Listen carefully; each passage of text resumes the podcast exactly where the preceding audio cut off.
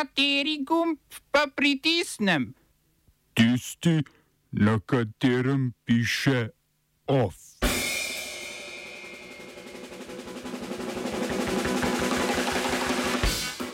Združeno kraljestvo v nastanitev beguncev kar na morju.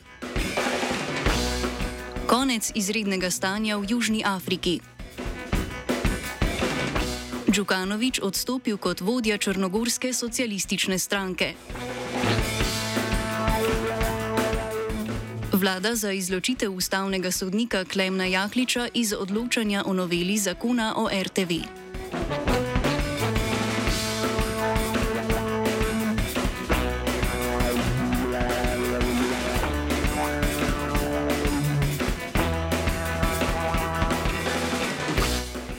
Vlada Združenega kraljestva je objavila nov načrt za nastanitev beguncev.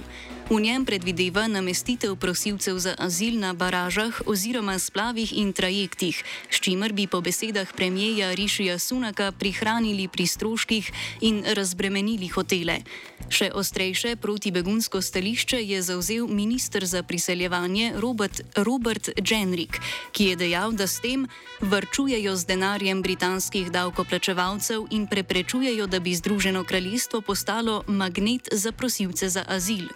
Prvo baražo bodo postavili v prihajajočih mesecih ob južni obali Dorseta, služila pa bo nastanitvi okoli 500 moških beguncev. Prav ta objekt, ki bo po časovnici obratoval vsaj leto in pol, so kot begunsko nastanitev že uporabili v Nemčiji, Italiji in na nizozemskem.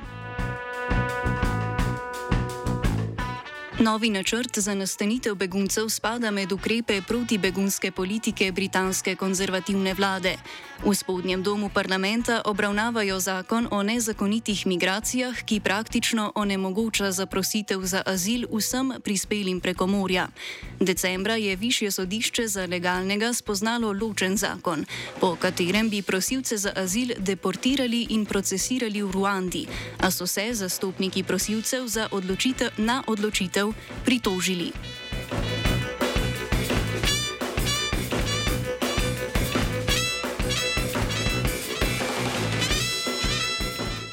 Južnoafriški predsednik Cyril Ramaphosa je preklical izredno stanje, ki je v državi veljalo od začetka februarja. Vlada je odločitev sprejela potem, ko je novi minister za elektriko Gosijenčo Ramokogopa obiskal termoelektrarne in opravil posvetovanje z državnim podjetjem Exxon, upravljavcem elektrarn. Električni mrki so zaradi omejevanja porabe elektrike po državi ostali, a vlada bo energetsko krizo sedaj reševala po rednih postopkih s pomočjo vladnega odbora za energetsko krizo. Energetska kriza je posledica preobremenjenosti dotrajanih termoelektrarn in distribucijskega omrežja. V času veljavnosti izrednega stanja je vlada lahko odobrila skrajšane postopke javnega naročanja z ohlapnejšim nadzorom.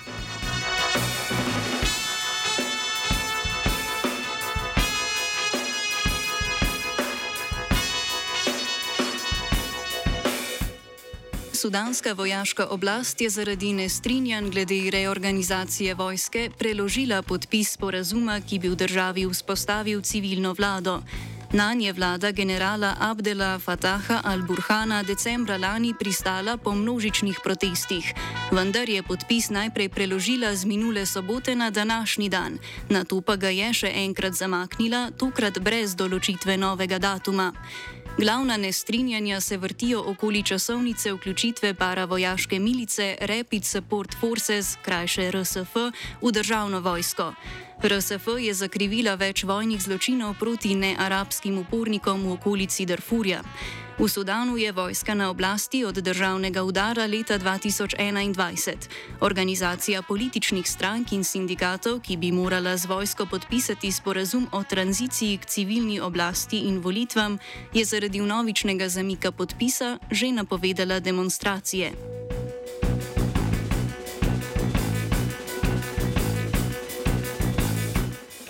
Izraelska policija je drugo noč zapored udrla v mošejo Al-Aqsa v okupiranem vzhodnem Jeruzalemu in napadla palestinske vernike. Oborožena z gumijastimi palicami, dimnimi bombami in sovzivcem je na vernike streljala z gumijastimi naboji. Napadi se dogajajo v času Ramadana, ko verniki pri obredu bedijo v mošejah. Al-Aqsa je za muslimane tretja najsvetejša mošeja.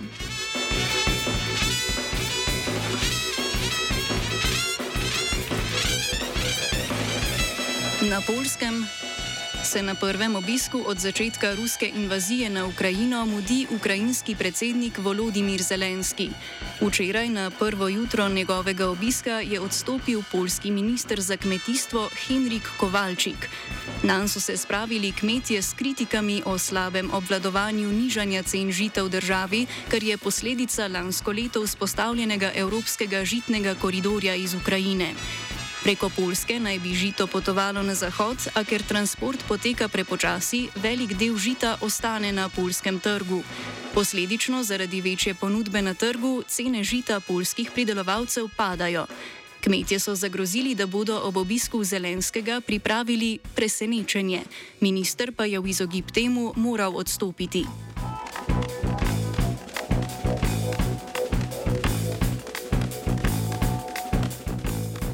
Odhajajoči črnogorski predsednik Milo Djukanovič je po porazu na nedeljskih volitvah odstopil z položaja predsednika Demokratske stranke socialistov.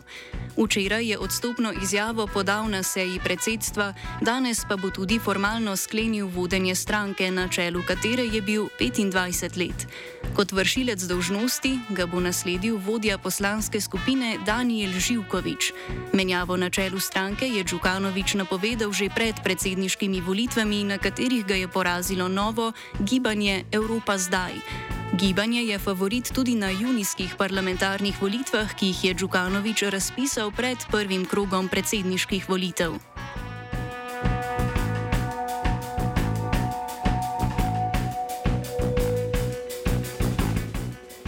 Spletni preiskovalni portal Lighthouse Reports je razkril pogovore med hrvaškimi mejnimi policisti in ljudmi iz vlade, ki so si v aplikaciji WhatsApp pošiljali informacije o operacijah na meji z Bosno in Hercegovino. Med njimi so bile tudi fotografije beguncev. Med člani skupine so bili tudi visoki uslužbenci policije, med drugim tedajni vodja mejne policije Zoran Ničeno in vodja službe za odnose z javnostmi Ministrstva za notranje zadeve Jelena Bikič. Poleg njiju pa še načelnik policijske uprave Primorsko-Goranske župnije Hari Brnat.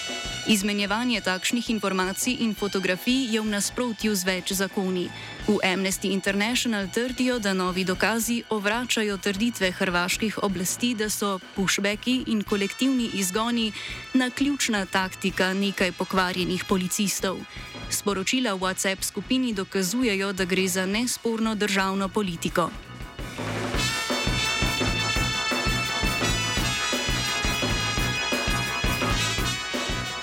Zvezdno sodišče na Aljaski je odločilo, da ne bo izdalo odredbe, s katero bi ustavili dela na projektu naftnega črpališča Willow.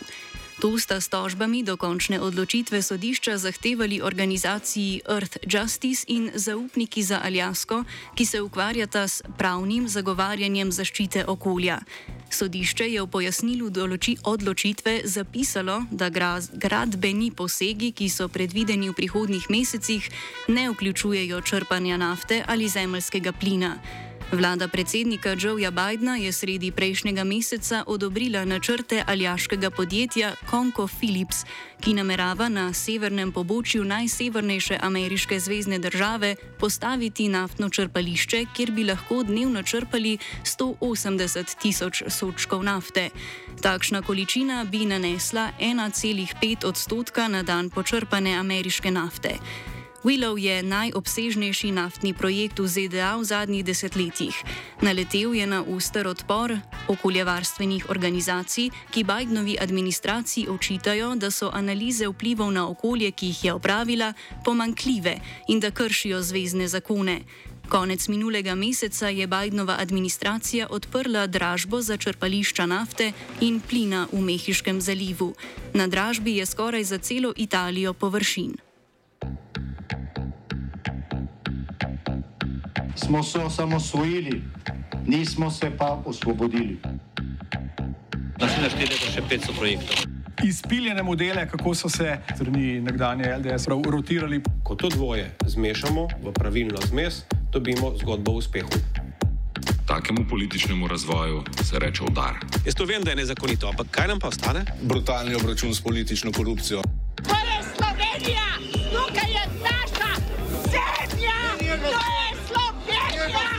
Slovenija, Slovenija.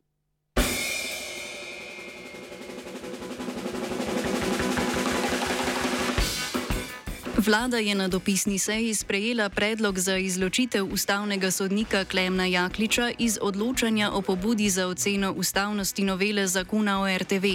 Sprejeti predlog, ki ga je vlada poslala ustavnemu sodišču, temelji na dvomu o Jakličevi objektivni in subjektivni neodvisnosti, kar je v času referendumske kampanje o zakonu RTV leta 2005 javno zagovarjal stališča v prid zakonu. Novela zakona o RTV, ki je tudi na dnevnem redu današnje seje ustavnega sodišča, spreminja zakonske rešitve, ki jih je Jaklič zagovarjal, zato se, tako vlada, poraja dvom v njegovo nepristranskost. Jakličevo izročitev je predlagal tudi državni zbor, pod predlog pa se je podpisala njegova predsednica Urška Klakočar Zupančič. Iz odločanja o ustavnosti novele zakona o RTV se je že izločil ustavni sodnik Rok Čeferin, ustavnemu sodišču pa je predlog za izločitev ustavne sodnice Neže Kogovšek Šalamon posredoval vršilec dožnosti predsednika programskega sveta Peter Gregorčič, ki je kot prvo podpisani tudi uložil ustavno pobudo za presojo ustavnosti.